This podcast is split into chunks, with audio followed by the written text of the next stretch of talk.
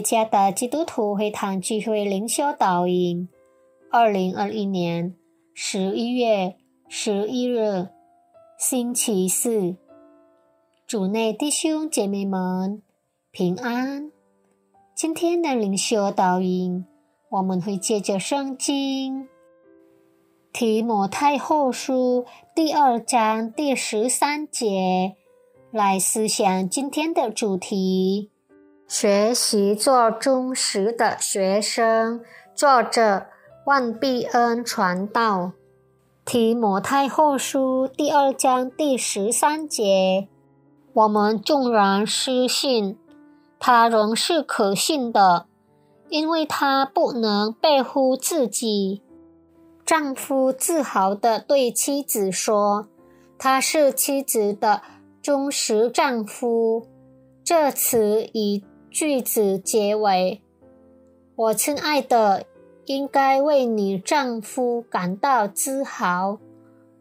可能我们每个人都说过我们是忠诚的人，但问题是，我们真的像我们说的那样忠诚吗？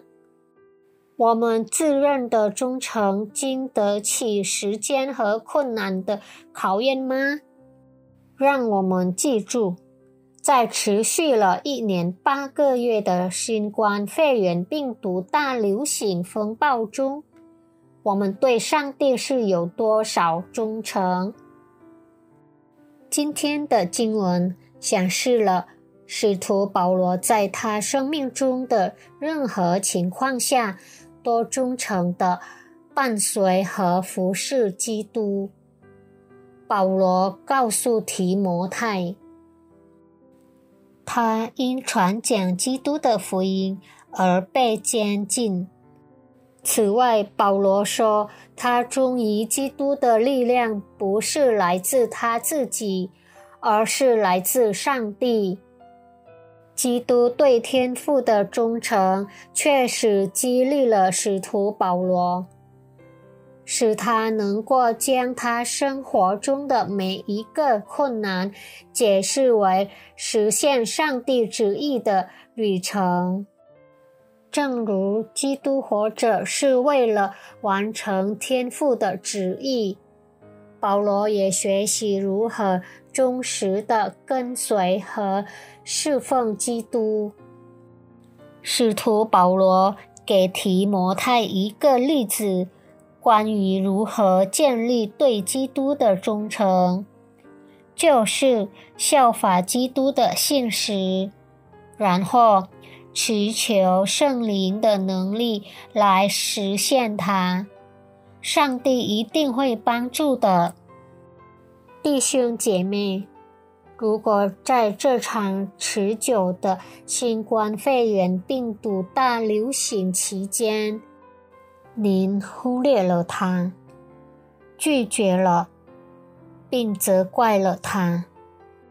那么，让我们转过头来看，基督是如何爱我们，看到忠诚只属于上帝，源自他。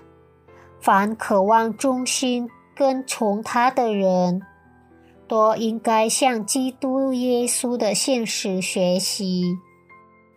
在这个新冠肺炎病毒大流行的时代，在这困难的情况下，我们要忠心的伴随和服侍基督吗？